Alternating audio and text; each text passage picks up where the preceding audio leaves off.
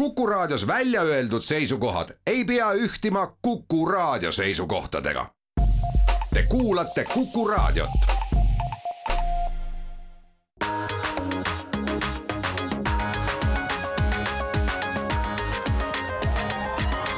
digitund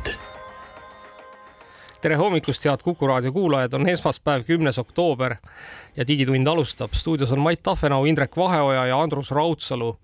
Ja saate teises pooles liitub meiega ka Sten Koolman, Postimehe ajakirjanik, kellega me tahame siis eh, ühe pikalt äh, olnud sellise äh, lünga meie saates äh, ära klattida, et räägime siis mängudest, mis on, mis on sellel aastal tulnud, mis on tulemas, mida peaks ootama, mida peaks mängima, nii et nii et kõik, kes on siis mänguhuvilised, saavad nüüd ka Digitunnist oma info kätte, aga räägime kõigepealt siis ikkagi uudistest ja ja võib-olla alustame hoopis ühe õnnesooviga, et digiallkiri kakskümmend aastat täitsa Aplausid. uskumatu, aga, aga, aga tõepoolest digiallkiri on olnud meiega kakskümmend aastat ja selle aja jooksul on siis antud üle kaheksasaja miljoni äh, digiallkirja ja nüüd, kui nüüd vaadata seda, et, et siis kahekümne aasta jooksul on seda digiallkirja kasutanud noh, natuke üle miljoni inimese, siis igaüks meist on ikkagi andnud umbes kaheksasada digiallkirja, mida Seda ei olegi väga vähe. tegelikult ja, ikka, jah. kui nüüd mõelda selle peale, et ega ausalt öeldes noh, ma arvan, et paljud inimesed ei anna mingisuguseid allkirju nii palju, eks, et.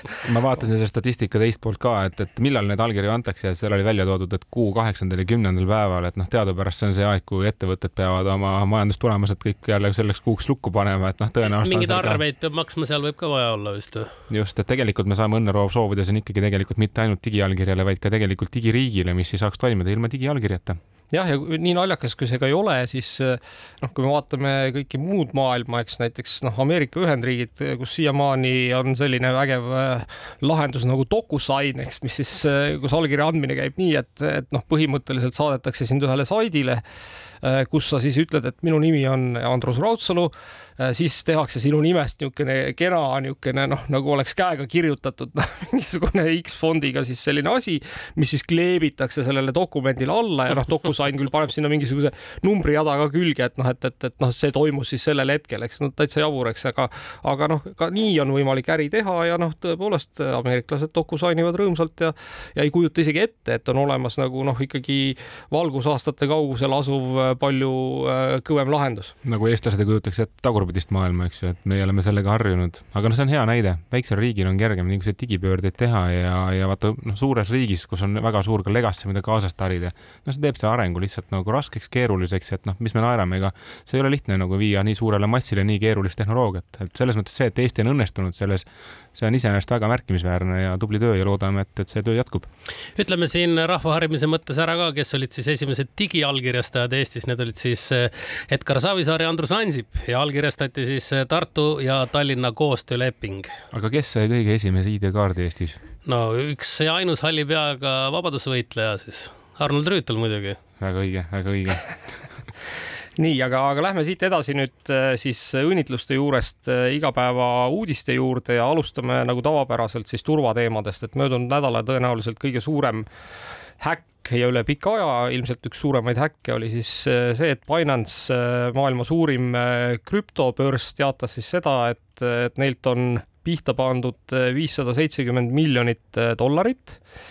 ja, ja see häkk siis Äh, tehti siis äh, ühel siis sillal, ma ei tea, bridž, kas tõenäoliselt eesti keeles, ma ei tea, kas sellel on eesti keeles üldse mingisugune vaste, eks ju ta siis sild on, et et siis need bridžid on need äh, tehnilised lahendused, mis siis ühendavad erinevaid krüptorahasid ja võimaldavad siis ühest krüptorahast teise nii-öelda arveldusi teha. ja need on üldiselt olnud ka vist krüptomaailmas kõige haavatavamad kohad, sest kui me nüüd mõtleme selle peale, et milliseid Äh, häkke on tehtud, siis kõik suuremad häkid, mis mulle meelde tulevad, on kõik seotud siis nende samade sildadega, et, et, et meenub kohe Wormhole äh,, meenub äh, X Infinity'st pihta pandud kuussada miljonit, nii et äh, nii et äh, tasub ikkagi olla ettevaatlik, aga noh, ütleme siin vist küll äh, nii nagu ma aru saan, et, et, et tegelikult kannatas Binance, mitte Binance'i kliendid ja, aga lähme siit edasi, üks teine turvauudis oli veel, et Facebook avaldas, et nad on tuvastanud nelisada Androidi ja iOS-i rakendusi, mis varastavad kasutaja siis ütleme sisse logimise andmeid. ja probleem ei ole mitte nagu selles, et need rakendused peale installeerimist kohe nuhivad teie telefonis välja, kus on need kõik need salajased andmed ja varastavad sealt, vaid need lihtsalt trikitavad kasutajaid siis sisse logima Facebooki näiteks kontoga ja sealtkaudu siis pannakse pihta kogu see vajalik informatsioon no,. Pannakse pihta Facebookis olev informatsioon, mitte telefonis olev informatsioon. just, just, just, aga ütleme, kontode vargus on nagu väga trendiv teema ja lihtsalt ikkagi tasub mõelda selle peale, et mis sinu kontoga kõike kurja on võimalik teha, et noh, ma ei hakka siin genereerima neid erinevaid mõtteid, aga aga kui te tahate teada, mis tüüpi rakendustega on tegu, siis sama asi, mis nagu uute telefonide väljalõikamisel, et ikkagi kõik panustavad uutele ägedatele kaameratele ja nagu ikka, on ka populaarsed fotode igasugused töötlemise rakendused et, et nelikümmend kaks protsenti nendest rakendustest, mille kaudu kontosid on varastatud, on seotud piltide töötlemisega. nojah, ega siin vist on ilmselt mõistlik inimestele öelda seda pigem, et, et kui te peate, noh, mingi rakendus küsib, et tehke nüüd minu juurde konto, siis tasub väga mõelda, et, et noh, võib-olla tuleks kasutada siis lihtsalt emaili ja teha teha noh, ütleme, et emaili konto, eks, kust on nagu raske midagi kätte saada versus see, et teha Facebooki konto, kus siis äh, see äpp võib minna küsima Facebookist igasuguseid asju. Äh, ja, ja noh, ütleme, et teiselt poolt äh, muidugi loodan, et äh, noh, kuna Facebook ju ei avalikustanud, mis äpid need täpselt olid, äh, siis ma loodan, et need App Store'id on ikkagi vastavalt juba teadvustatud ja need on, need äpid on sealt siis ära korjatud ja noh, tõenäoliselt ka Facebook enda poole pealt on kinni keeranud nende ligipääsud ja loodame, et ta siis ka ise jälgib ikkagi ka tulevikus äppe ja siis samamoodi siis nii-öelda juba ette, etteruttavalt nende ligipääsu tõkestab, juhul kui need äpid tegelevad spioneerimisega aga räägime siit ühest huvitavast standardist, et äh, aastal kaks tuhat kakskümmend neli väidetavalt peaks igale poole tulema USB-C. ja siin, siin me tuleb, tuleb tänada jällegi Euroopa Liitu, kes äh, väga meie eest hoolitseb, et ei peaks ostma totakaid Apple'i Lightningu kaableid. saaks ka kodus... laadida USB-C. paljudel on kodus seadmed, millel enam ei ole USB-C pistikut. meenutage nüüd mõni. iPhone no vanematel seadmetel ikka on ju selliseid asju, kus. Apple'i kõrvaklapid. olgu kõik peale Apple'i, no ma võin öelda, mul on kodus üks e-luger, millel ei ole näiteks, eks ju, ja mõned mingid väiksemad veel, et kõik uuemad on. tõesti jah, Amazoni Kindlitel ka ei ole, aga vanadel muidugi. ja uutel nüüd jällegi on, et noh, kõik uus, mis te ostate juba täna, et, et ei ole vajagi Euroopa Liidu nõuet enamustel asjadel on ja ma arvan, et ka Apple, kes on üse, ühest küljest tituleerinud ennast nagu kõige innovaatilisemaks ettevõtteks ja kasutab endiselt muldvana USB standard, standardit oma lightning kaablitega ka telefonides on ikkagi nagu ka muutumas. aga siiski, siiski sellega on mitu erinevat asja, mida tegelikult inimesed peavad meeles pidama. et esimene põnev küsimus on tegelikult selles, et vaadake, USB-C kaableid on kolme sorti. on olemas lihtsalt laadimiskaablid, siis on olemas andmete ja elektrikaablid ehk siis äh, saad ka andmeid vahetada, et ostad välise kõva kätte või USB-C monitori, siis äh, sealt lähevad ka andmed läbi, aga suvaline USB kaabel, USB-C kaabel seda ei tee. Ja on olemas ka lihtsalt USB-C kaabel, mis näeb välja nagu USB-C, aga tegelikult on tavaline USB kaabel lihtsalt USB-C pistikuga ja neil kõigil on hunnik erinevusi. ja nad kõik näevad ikkagi enam-vähem samasugused välja. täiesti. nii et kui ma peale vaatan sellise lihtsa kasutajana, siis ma ei saa mitte midagi aru, miks mul asjad ei tööta. just mm, -hmm. nagu tellid Hiinast mingisuguse nagu minul matkamiseks on mingi pealamp, panen ilusti edeva USB-C laadija järgi ja mitte midagi ei juhtu, lamp ei lae ja midagi edasi ei juhtugi. et ma pean alles hoidma selle lambiga kaasa tulnud kahtlase USB-C kaabli, mis ei lepi kokku erinevalt USB-C-st, eks ju, teate, selle kaabli sees on kiibid ja selle kiipide abil siis lepitakse kokku, et mis on see võimsus, millega võib üldse seda seadet laadida või palju siit kaablist andme või ütleme, elektrit üldse peaks läbi minema.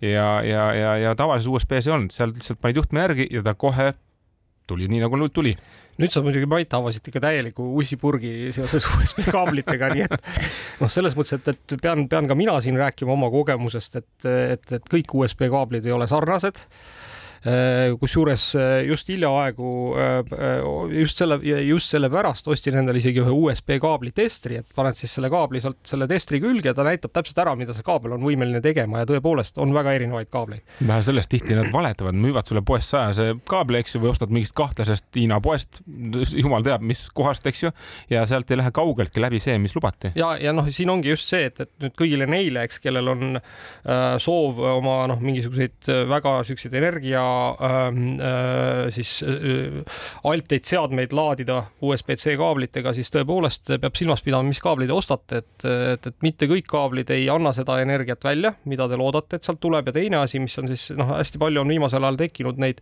mitme USB-C pesaga äh, laadimis äh, adaptereid. Ja, ja, ja, ja nüüd tuleb silmas pidada ka seda, et kui see adapter noh, lubab nii-öelda, et annab näiteks välja sada vatti, noh näiteks, et panna sinna taha MacBook, siis juhul, kui te panete sinna laadija külge kaks Äh, kaablit. isegi kui selle teise kaabli otsas midagi ei ole, siis enamasti sellest laadijast sadat vatti enam välja ei tule, nii et ka see on see, mida tasub silmas pidada, et, et on päris palju asju ja muuseas veel kõige, kõige olulisem asi, mida me peaks oma kuulajatele ütlema, on see, et kui te nüüd noh, tegelikult tasub omada USB laadimiskaablit, seepärast et kui te tahate kuskil imelikus kohas, noh, ma ei tea, on mingid lennujaama pistikud, mis iganes kohad on ju, kui te tahate laadida oma seadet, siis oluline on see, et sealt tuleks läbi ainult vool, aga mitte data, nii et kui te kannate kaasas seda noh, nii data kui laadimiskaablit, siis tegelikult mitte keegi ei tea, mis, kuhu teie andmed sealt lennujaama pistikust rändavad. sa, Andres, tahad nüüd öelda seda, et kuigi Euroopa Liit tahab meil kõik olukorra väga lihtsaks ja kergeks teha, me peame hakkama ikkagi vähemalt kahte kaablit kaasas. no ütleme, kaabli, ei, ma arvan, ma arvan, et kaabli teadlikkus peab olema. kaval on see, et sa markeerid need kaablid ära ka, sest ega sa hiljem ei mäleta, et kas see punane või sinine või see mihukene kaabel on mihukene. me teeme nüüd siit väikese reklaamipausi, siis seedime oma kaablimõtteid ja tuleme juba hetke pärast tagasi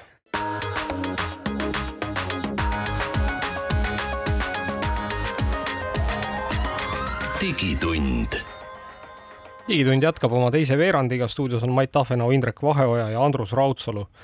ja kui me nüüd rääkisime eelmises veerandis äh, kaablitest ja sellest, milliseid kaableid peaks omama, siis alustame seda veerandit äh, hoopis õnnitlusega, et äh, soovime siis õnne Starshipile selle puhul, et meile teadaolevalt on nad nüüd ainukene tõsiseltvõetav Äh, neid siis, äh, kuidas me ütleme, robotkullereid äh, tootev ettevõte maailmas, nimelt Starshipil oli väga arvestatav konkurent Amazoni näol, kes alustas siis aastal kaks tuhat üheksateist see noh, toot-, põhimõtteliselt Star, Starshipi robotite kloonide tootmist, need nägid üsna samasugused välja.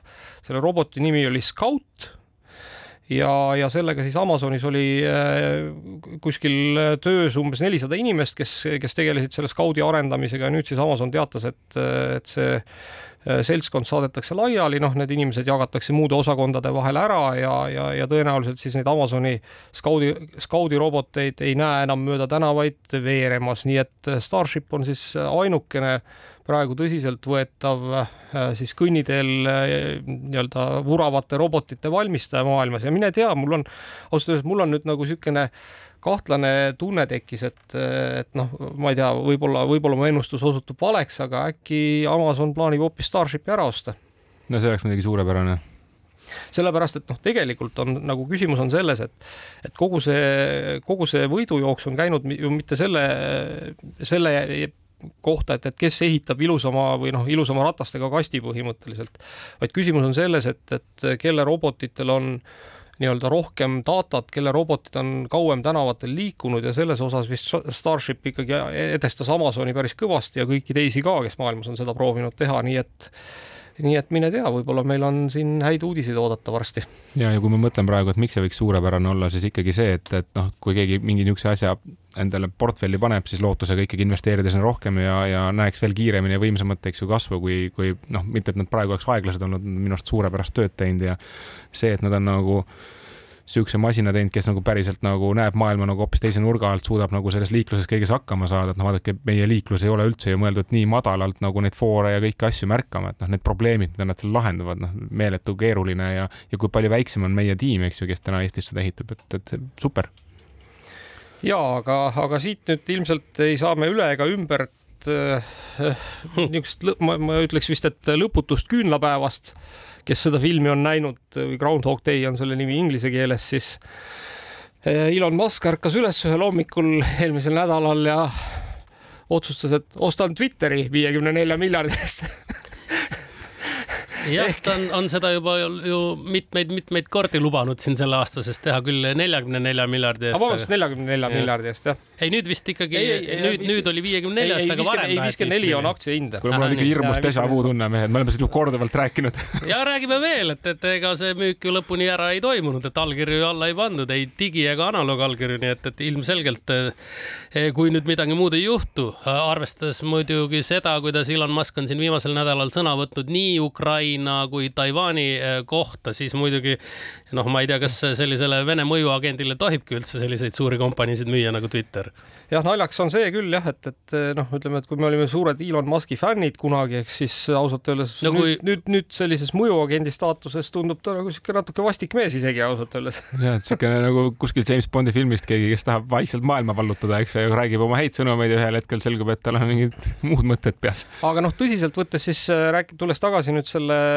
Twitteri ostuprotsessi juurde, siis kindlasti see on noh, võib-olla on see Elon Musk'i üks trikke lihtsalt selleks, et äh, võimalikku kohtupidamist edasi lükata, noh, tõepoolest kohus ütles, et, et noh, teatavasti on ju käimas kohtuprotsess, kus siis äh, ikkagi äh, Ameerikas kohtunikud siis otsustavad, kas Elon Musk peaks ostma või mitte, sellepärast et kuna ta juba tegi selle ümber nii palju kisa, eks, ja noh, tõenäoliselt oli ka Twitteri aktsionäridel õigustatud ootus, et toimub mingisugune ost siis, äh, siis kohus iseenesest võib kohustada Elonit ostma, aga nüüd siis on see kohtuprotsess natuke aega edasi lükatud, et oodatakse siis, mis asjast saab. ma just jõudsin järeldusele, ma ei tea, võib-olla täitsa valele järeldusele, aga võib-olla tema need sõnavõtud maailmapoliitika teemal on selle jaoks, et talle lubatakse osta, talle lubatakse osta, et kuule, Elon, et noh, ta tahaks pääseda sellest diilist, eks ju mm -hmm., ja, mhm. ja võib-olla teate mehed, et äh, siuksele mehele niisugust asja küll anda ei saa. ja siis on tema jääb õige mees kunagi, eks ole, et, et ma tahtsin osta küll, aga näed, kuri valitsus ei lubanud mul seda teha, eks. noh, elame näeme küll ma oleks teinud sõnavabaduse heaks ja küll ma tahtsin teha küll mul olid plaanid,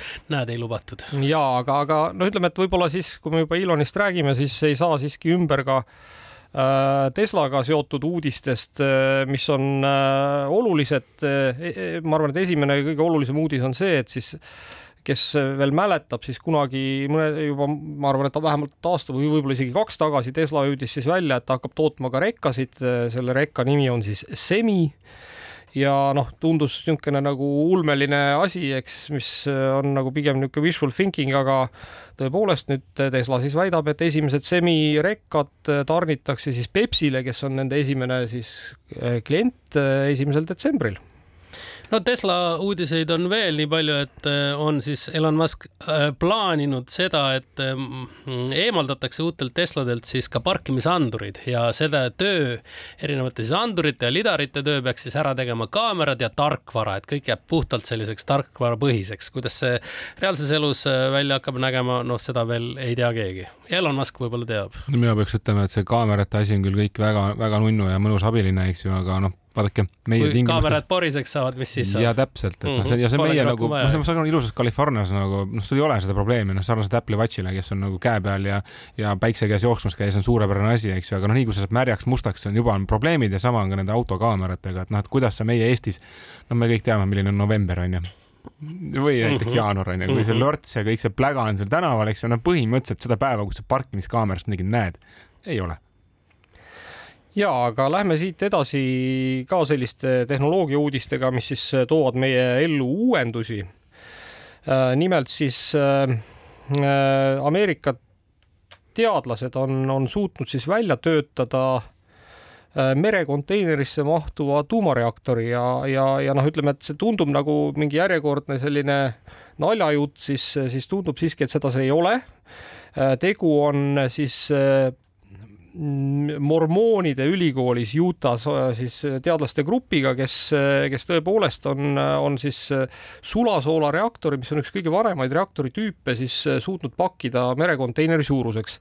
ehk tegelikult noh, kui me nüüd vaatame nagu nii-öelda tuumareaktorite ajalukku, siis, siis need sulasoolareaktorid olid ühed vanemad reaktoritüübid ja see, just selle tõttu, et neid on lihtne toota ja nad on suhteliselt ohutud või õigemini peaaegu täiesti ohutud, noh, neil puudub see niinimetatud meltdown ehk sulamine või see, mida me Tšernobõlis nägime, et kui juhtub õnnetus, siis nad tahkuvad lihtsalt jah, ära, eks. et, et, et nad ei saa keema minna, eks on ju ja, ja, ja siiamaani on olnud probleem materjalides ehk, ehk ei ole olnud selliseid materjale, mis ei oleks äh, aktiivselt korrodeerunud, juhul kui siis sinna nagu see agressiivne soolalahus sisse lasta. aga nüüd väidetavalt äh, tänapäeva materjaliteadus on jõudnud nii kaugele, et on võimalik teha siis äh, tõepoolest selliseid reaktsioonikambreid siis, mis enam ei korrodeeru ja, ja selline reaktor siis suudab ühe niisuguse väikse umbes noh, ma ei tea, tuhande elaniku, tuhande majapidamisega linna ära toot-, ära toita. no arvestades tänast energiakriisi, eks ju, siis sellised uudised kõik on nagu niisugune maasikat me peame ootama, eks ju, aga kas nad tulevad ja millal need tulevad, see on muidugi iseküsimus. noh, ma arvan, et nii nagu, nii nagu igasuguse sellise tehnoloogiaga ikkagi noh, üks asi on see, et ta on nagu kuskil ülikooli nii-öelda testlaboris ja, ja teine asi on see, et ta on reaalselt tootmises, kuigi, kuigi äh, neil tegelikult on olemas ka tootmispartner ja selle nimi on siis Alp Alpha Tech Corporation. Äh, ja, ja noh, ütleme, et mis, mis sisuliselt näitab seda, et, et, et see võib-olla siiski ei olegi väga kaugel ja noh, kui me nüüd mõtleme selle peale, et milline on nagu ideaalne elektrisüsteem, siis tegelikult ideaalne elektrisüsteem ongi ju selline noh, nii-öelda microgrid ehk see, kus siis, kus siis neid elektritootjaid on nagu võimalikult palju ja, ja, ja noh, ütleme, et mis tähendab seda, et ta ei ole haavatav, eks, ja noh, need ülekande kaugused ei ole ka väga suured, on ju, et, et seepärast, et teatavasti ju enamus elektrit läheb kaduma tegelikult ülekandes. Kas selle kohta on ka informatsiooni antud, et kas reaktori kasutajad peavad ka mormoonid olema, et kas selleks tuleb ka usu äh, osas vahetus ära teha või saavad ikkagi noh, ka ateistid seda kasutada tulevikus? mine võta kinni siia paganamaalased ei tule ei no kui me nüüd teame, mis seal mormoonide niisugune põhiasi on, nad tahavad ju hingi saada, eks ole, et kui ma nüüd tulen mingi kirikuraamatuga ütlen, näed, siin on, siin ma ei tea, Viru-Nigula viiesaja aasta hinged, et kas äkki saame väikse reaktori siia panna, siis, siis mine tea. aga mõelge korra kõrvale, et kaua on klassikalise tuumajaama ehitamise niisugune nagu kõige kiirem aeg?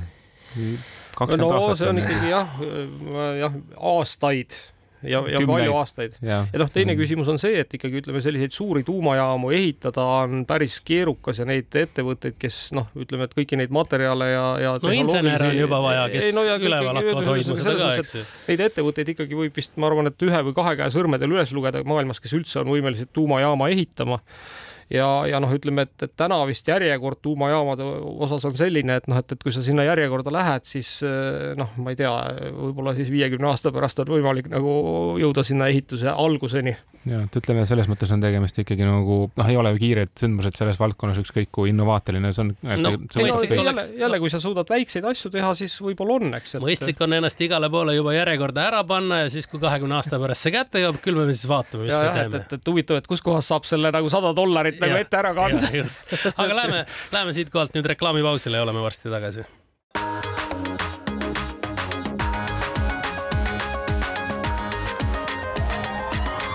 digitund nii, Digitunni saate selgroog on siis tänaseks murtud, oleme jõudnud saate teise poolde. stuudios on Mait Tahvenau, Indrek Vaheoja ja Andrus Raudsalu.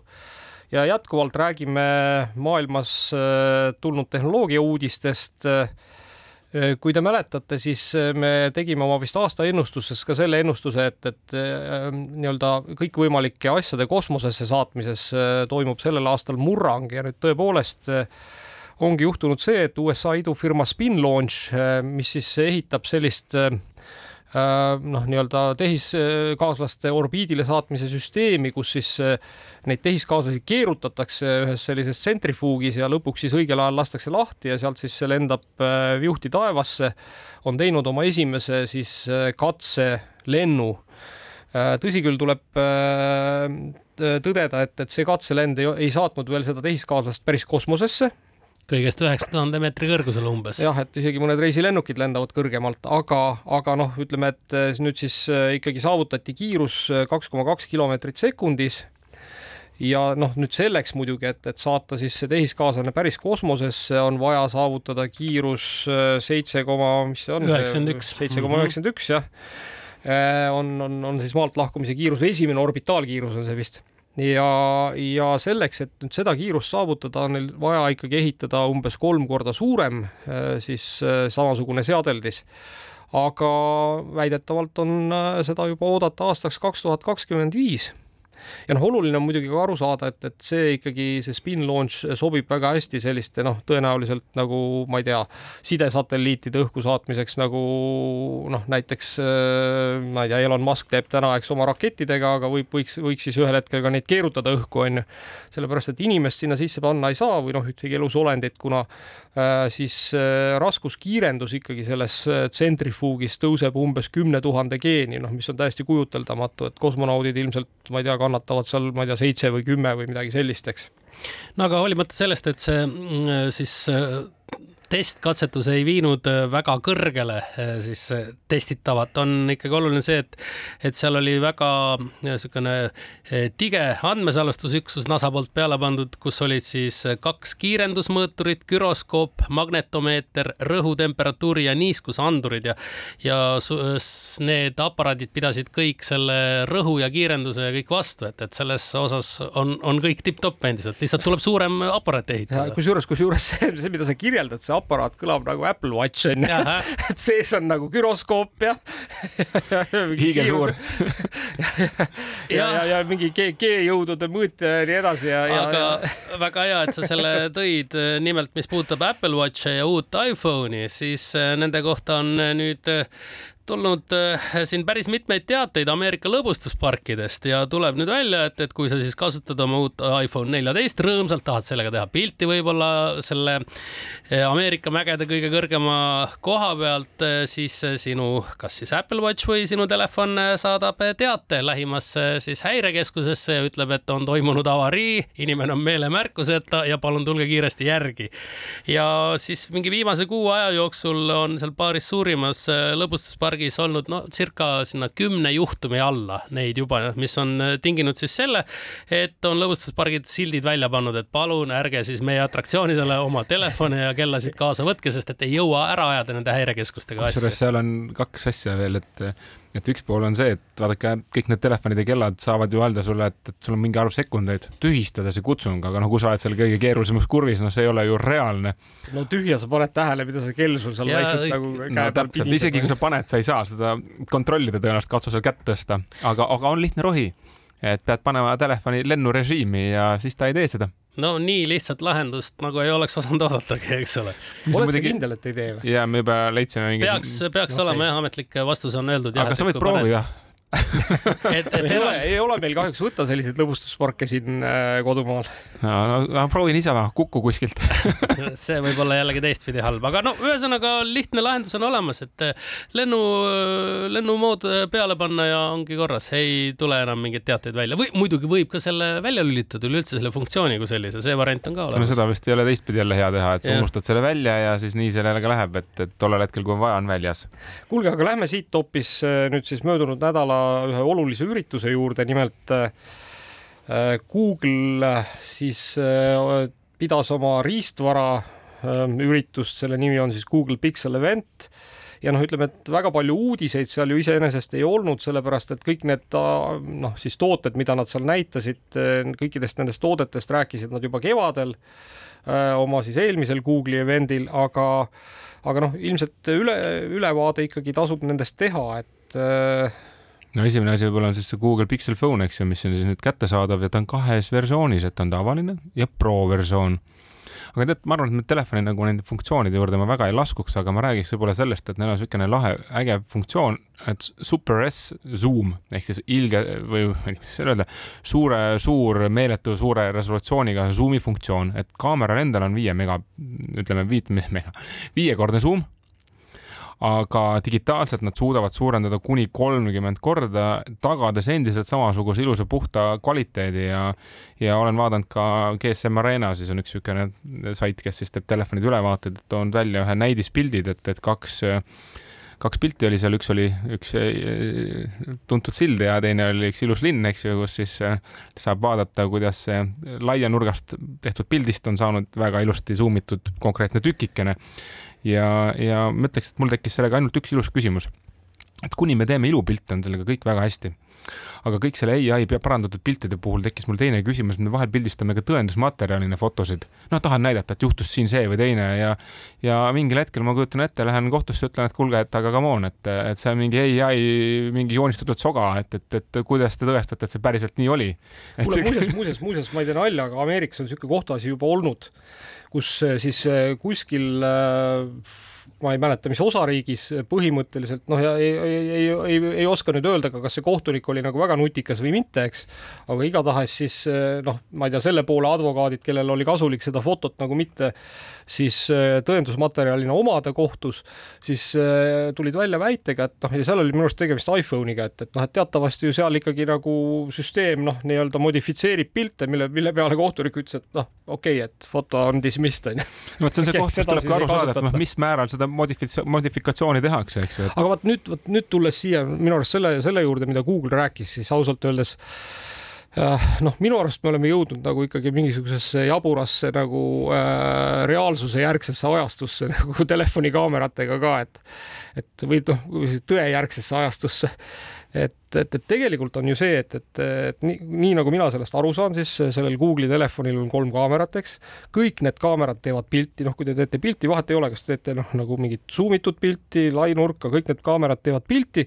Need pildid pannakse kokku ja siis tuleb tehisintellekt ja mõtleb siis, et ta teeb selle pildi veel kõvasti paremaks, onju. ehk sisuliselt mina ütleks, et tegu on täna nagu sellise samasuguse asjaga, et noh, me oleme kõik eh, siin pikalt ka siin saates rääkinud Tallist ja kõikidest teistest nendest tehisintellektiga pildi joonistamise tarkvaradest, eks, kes ka täiesti adekvaatseid pilte joonistavad. ja noh, nüüd me oleme sisuliselt jõudnud sinna, kus siis noh, ütleme, et selle asemel, et te peaksite trükkima, et noh, et tahan näiteks, et teen Maidust pilti, tahan, et pildil oleks Mait, onju.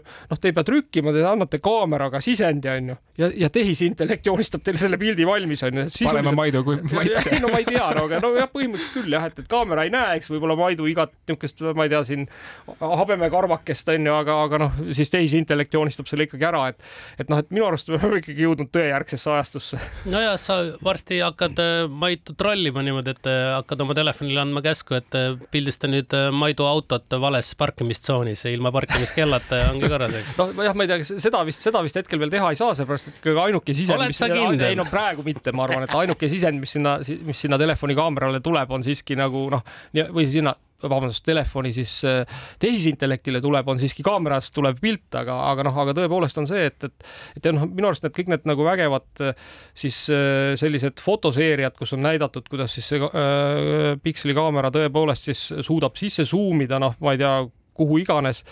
noh, ma ei ole kindel, et, et see, et see, et see objekt nagu sada protsenti selline välja näeb, eks, et. aga noh, põhjus, miks nad seda teevad, on ikkagi võistlus nagu suurte nii-öelda klassikaliste kaameratega. et eh, noh, küsimus on selles, kas ma pean tassima kaasas, eks ju, kümme kilo mingit fototehnikat, et teha üks ilus foto ja noh, see on see, mille poole nad pürgivad ja on kategooriad, kus ma ütlen, et telefon kindlasti võidab. No. loomulikult ei pea ja noh, kui sa tahad saada ägedaid selfisid iseendast, super luks, eks yeah.. aga kui sa tahad saada nagu reaalsuse, tõelisuse yeah. nagu kujutist, siis mul on selline tunne, et varsti enam noh, need äh, telefonid selleks ei sobi, onju. Mhm. või siis, või siis noh, võib-olla tekib, eks seal kuidagi siis äh, mingisugune uus mode, et öeldaksegi, et True phone. jah, jah, tee nagu päris pilt, onju. Jah, jah, vot, see võib olla teal täitsa reaalne. aga noh, teine teema oli seal veel oli see kellateema, eks ju, et noh, Google tõi siis välja selle Pixi Watchi, millest on palju räägitud, eks. et äh, ma ütleks, et iseenesest väga Apple'i kella moodi, välja arvatud see, et ta on ümmargune ilus suure klaasiga ja.... äärmiselt oluline vahe muidugi, eks ole. aga mis vahet sa seal kellal ikka saad tahta, onju, et, et noh, tõepoolest jah, selles mõttes ma arvan, et, et oluline on ka see, et, et, et siis selles tõesti selles kellas on siis ühendatud kõik need Fitbiti omadused ka. noh, me ju kõik teame, et Fitbitil on pikka aega olnud ka kellad, aga need on olnud ikkagi ürgkoledad Äh, suhteliselt samas suhteliselt kättesaadava hinnaga. nüüd see Google Pixel Watch ei ole vist ka väga kallis. no ta ikkagi on, kui no, sa paned kõrvale, ma vaatasin näiteks tehniliste seierite poolest, Samsungi kell maksab täpselt poole vähem, on uuema protsessoriga ja ütleme, suurema ekraani ja kõigega. ma ütleks ausalt, see Google natuke üllatas, et tuli kallima asjaga välja, mis ei no, ole. see on nagu... ilusam no see on juba maitse asi, sest kui sa võrdled seda Samsungi keeles, ma ütleks, et nagu see Apple'i Watch versus Apple'i Pro Watch see on maitse asi, eks ju okei okay,, aga äh, ütle, Mait, kas seal on ka mingi oluline funktsioon lisandunud sinna Google'i kellale, mida, mida siiamaani pole kelladel nähtud? või tegelikult ma, ma vähemalt hetkel ei tea, võin öelda, et võib-olla mu kodutöö on halvasti tehtud, aga mul ei meenu kohe ühtegi aega sellist. ikka näitab endiselt. Ma ei ole, ma ei ole kindel. ei ole kindel kuigi tegelikult olgu kell on ju olemas, aga minu arust on nõme see, et neil kohutavalt paks beisel ehk siis see serv, mis jääb nagu serva ja selle sihverplaadi vahele, et see on nagu väga suur ja mõtleks, et natukene, natuke lohakas seade, aga noh, kõige esimene seade võib-olla noh, see ongi see arenguruumi on. kuule, aga meie aeg näitab seda, et me peame siit minema reklaamipausile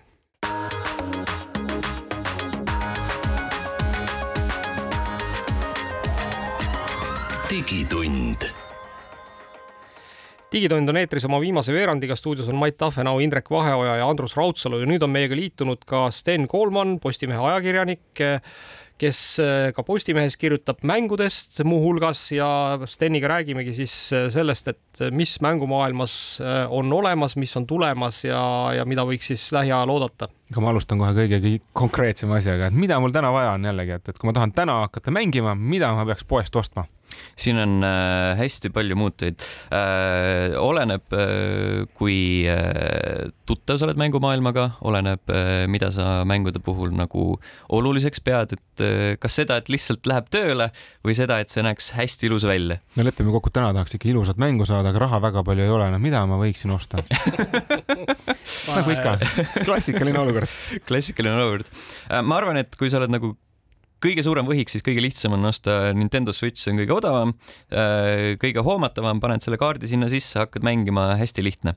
Äh, samm ülespoole on juba Xbox'id, see odavam Xbox on Xbox Series S, see on äh, digitaalne ainult, aga see on ka selline taskukohane variant, et öö, ostad selle konsooli, ostad selle kuutasupõhise Gamepass teenuse, mis on mingi sihuke paarteist eurot kuus ja siis seal on juba sadu mänge saad mängida Äh, ja siis järgmine aasta on juba see teine Xbox, Xbox Series X, mis näeb äh, ilusam välja, sööb plaate ja alternatiivselt on siis Playstation viis saab täpselt sama pulgal ja siis mis kõige maksavad?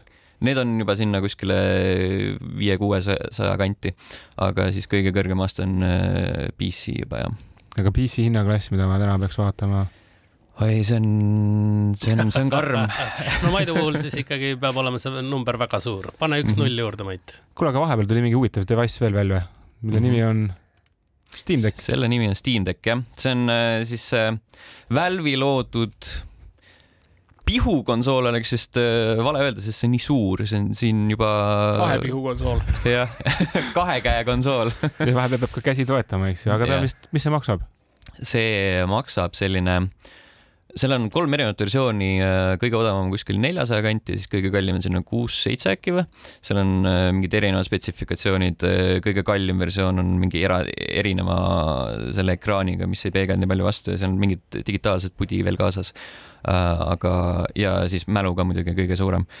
aga üldiselt see on nüüd selline alternatiivne valik PC mänguri jaoks. ma arvan, et see on pigem selline kaasas käiv element, et kui sul on juba Steam ja sul on sinna kogunenud hästi palju mänge, siis sa nagu ostad selle asja, et kui sa oled Xbox'i selline. puhul oled täitsa teises poes, eks ju. jah, jah. aga et... see on ikkagi samas maailmas ja saad jätkata ja mängida nagu neid samu mänge, mis sa juba oled ostnud. jah, et see pigem, pigem ei ole selliseks äh, esimeseks konsooliks, et kus Kule, sa hakkad aga, seda platvormi ehitama. aga siin on päris hea, et sa ütlesid, et noh, et kui sul on Steam onju et me teame, et täna enamus äh, mänge vist ilmselt on võimalik osta, noh, omades kuskil mingisugust siis äh, kontot. et äh, oskad sa öelda, et mis need, mis need nagu kõige olulisemad kohad täna on, kus kontot omada? peale Steam'i peale Steam'i. ma ei tea, kas Steam üldse on täna enam relevantne. no ikka on, Steam on alati relevantne uh, Epic Games'i uh, PC uh, launcher on lihtsalt hea omand sellepärast, et nad jagavad iga nädal tasuta mänge, siis sa paned neid lihtsalt juurde ja siis võib-olla kunagi uh, kulub marjaks ära. aga siis teine teenus ongi siis uh, Gamepass, mis on ka PC peal olemas ja nagu mainitud, kuutasupõhine teenus ja sadu mänge kohe mängitavad ja kui ma ostan Playstationi, ega ma siis neid, mis ma sinna ostan, arvutis ju ei saa, et see on ikkagi Playstationi põhine konto ja Playstationi mängud, punkt. See on enam-vähem PlayStationi põhine konto ja nad natukene kompavad neid piire, et toovad enda mänge PC peale ja neil on ka nüüd selline mänguteenus mitmeastmeline, kus sa saad ka kuutasu eest äh, ligipääsu erinevatele asjadele, aga nagu need siiski eksisteerivad rohkem eraldi, et äh, kui Gamepass on niimoodi äh, kahe peale võimalik jagada, siis. Äh, aga Xboxiga on sama, samuti Xboxi konsooli peal olevad mängud on Xboxi peale mõeldud ja arvutis neid ei saa või äh,? on küll, seal on äh, Xbox juba aastaid tagasi tutvustas sellist ähm, kas teenus on vist vale öelda, aga sellist äh, põhimõtet nagu Play Anywhere, mis tähendab, et kui sa ostad mängu äh, ühel platvormil ja see on, eksisteerib ka teisel platvormil, siis sa saad mängida neid mõlemal platvormil. ehk siis sa saad ühte mängu mängida Xbox'i peal, mõtled, et heakene küll, ma mängin seda PC peal edasi. okei nii et lühidalt ma tegelikult ütleks, et Xbox'i peal või Playstationi peal on selge, see on nende asi ja kui ma arvuti olen ostnud, siis tõenäoliselt esimene asi, mille peaks tõmbama, on Steam'i rakendus ja tutvuma selle poe valikuga.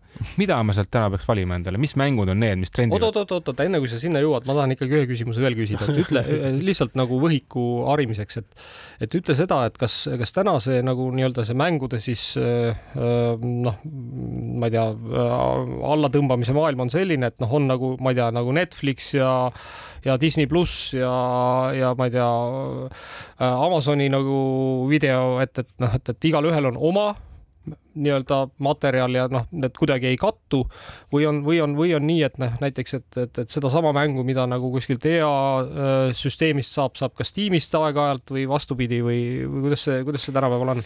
see on natuke nii ja naa, üldiselt nad üritavad hoida seda ikka enda käes seda jämedamat otsa, aga sellised koostööd äh, pisut on, äh, taaskord see mainitud Gamepass, äh, seal on olemas ka näiteks need EA mängud, siis Playstationi see teenus, sinna on jõudnud Ubisofti mängud, et siis nad igalt poolt natukene kompavad, aga üldiselt ja nad hoiavad seda võimalikult enda käes.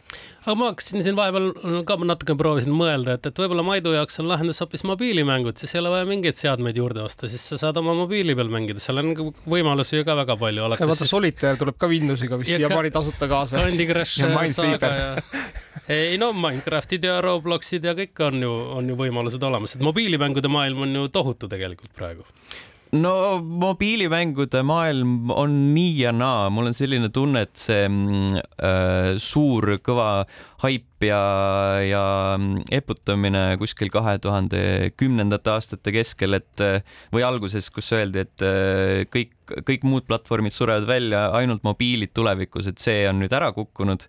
et äh, üldiselt mobiilimängude äh, pärusmaaks on jäänud äh, suuremate mängude mobiilipordid, et äh, mängid Fortnite'i igal pool, mängid Fortnite'i ka mobiili peal, eks ole. või siis on need äh, vanad klassikud a la Candy Crush ja Clash of Clans, mida hoiavad elus eelkõige sellised ähm, tulihingelised fännid ja kes äh, kütavad sinna jätkuvalt raha sisse. okei okay,, ma rohkem ei mõtle enam, sain juba vastuse. kuule, aga, aga nüüd jah, tuleb, tuleme selle Maidu küsimuse juurde tagasi, kui sa juba ütlesid, et on nagu mingisugused vanade fanaatikute mängud, eks, mida elus hoitakse, aga mis on, mis on need uued ägedad asjad, mida, mille, mille poole täna peaks vaatama? Uued ägedad asjad, äh, kusjuures ma mõtlesin selle peale, et äh, mis selle aasta sihuke säravamad äh, pärlid on. Mm, ma arvan, et kui aasta lõpus hakatakse auhindu jagama, siis võib suhteliselt kindlalt enda raha panna sellise teose peale nagu Elden Ring mis on From Software'i, sellise stuudio From Software'i tehtud teos. see on avatud maailmaga kolmanda isiku vaates seiklus, rollikas, äh, kus käid äh, erinevates äh, kohtades ringi, annad suurtele bossidele kere peale ja, ja üritad ellu jääda. Nende mängude, nende, selle stuudio mängude eripära on siis see, et nad on hästi keerulised, aga samas ka hästi ausad et sa saad hästi palju ise ka peksa, enne kui äh, lõpuks. no seetõttu nad ka väga köitvad, kuna sa kogu aeg tahad ja tahad paremaks saada ja selle koha ikkagi ära teha, siis mm -hmm. sa mhm. pühendad sinna rohkem aega, eks ju. ja, ja Elden Ringi võlu äh, nende eelnevate mängude ees on, et äh, nad on tavaliselt olnud sellised lineaarsed aga Elden Ring on avatud maailmaga, see tähendab, et kui sa kuskil jääd toppama, siis sa saad ükskõik kuhugi mujale seiklema minna ja seal on avastamist on hästi palju kas ta on niisugune ka, kus ma peaks nagu mingeid mõistatusi lahendama või ta on pigem niisugune osavus näppudega kiiresti mingeid lööke harjutada ja võistlust no,, vaenlast hävitada? pigem on jah, selline, kus sa õpid äh, vastaste mustreid ja, ja siis äh, tänu sellele alistad nad lõpuks aga mis tüüpi mängud veel on, mida võiks tegelikult soovitada, et kellele sellist tüüpi ei meeldi, mis on parim rallimäng, mis on parim shooter mäng, mida täna tõmmata endale? Oi, eh, neid on nii palju aga mis on sinu lemmik? minu lemmik äh,, aasta alguses ilmus Playstation viie peal selline asi nagu äh, Gran Turismo seitse, seda on äh, sihuke mõnus aeg-ajalt tööle panna, sõidad äh, ringrajal enda paar ringi ära ja siis jälle on hea olla. aga tulistamises? tulistamises äh, kõige taskukohasemad asjad on äh, praegu Battle Royale mängud Fortnite ja Call of Duty Warzone tasuta mängitavad ja üpriski kvaliteetsed, et rahuldavad selle sügeluse ära kuule, aga räägime sellest ka, et, et mida oodata on, et kas noh, ilmselt on lähiajal tulemas veel mingisuguseid ägedaid asju, kus siis võiks juba fännid hakata raha koguma või mm -hmm. vähemalt siis ootusärevuses. jõulud tulevad jah, mida küsida kingikotti kusjuures sel aastal on veel paar sellist mängu, mis võiksid eestlastele korda minna. üks on Playstation viie peal, jääb nelja peal ka, God of War Ragnarok, mis on siis hästi populaarse seeria uus osa aastal kaks tuhat kaheksateist ilmus nii-öelda esimene jutumärkides ja siis nüüd see lugu saab lõpu see on ka sihuke kolmanda isiku vaates seiklusmärul, kus äh, hästi vihane sõjajumal käib ja annab äh, kõikidele pahadele äh, pasunasse. ja siis teine on Need for Speed Unbound, see ilmub detsembri alguses, vot see on võidusõidumäng, mis võiks ka inimestele huvi pakkuda, selle selline mm, nii-öelda vibe meenutab natukene kunagist Need for Speed Undergroundi mänge ja need olid kodumaal hästi populaarsed. Äh, sai autosid tuunida ja, ja meenutada aega, mil kiired ja vihased olid ainult tänavasõitude teemalised, mitte, mitte mingid pöörased möllukad. kas mõni tore kaklusmäng ka on tulemas? uuel aastal Street Fighter kuus. see on üks esimestest, mis pähe torkab, aga ma arvan, et kaugemas tulevikus Tekken kaheksa kuulutati mm -hmm. just välja ja ja League of Legendsi looja toob ka enda mingi kaklusmängu turule, äh, võib-olla uuel aastal kuule, aga siinkohal on äh, vist meil paslik tõmmata praegu saatele joon alla, nii et äh, kõik meie kuulajad siis jätke meelde need mängud, kes, kellel meelde ei jäänud, kuulake meid podcast'ist üle ja pange endale need nimed kirja, mida oodata ja aitäh sulle, Sten, et sa tulid. kohtume juba järgmisel nädalal. järgmisel nädalal, jah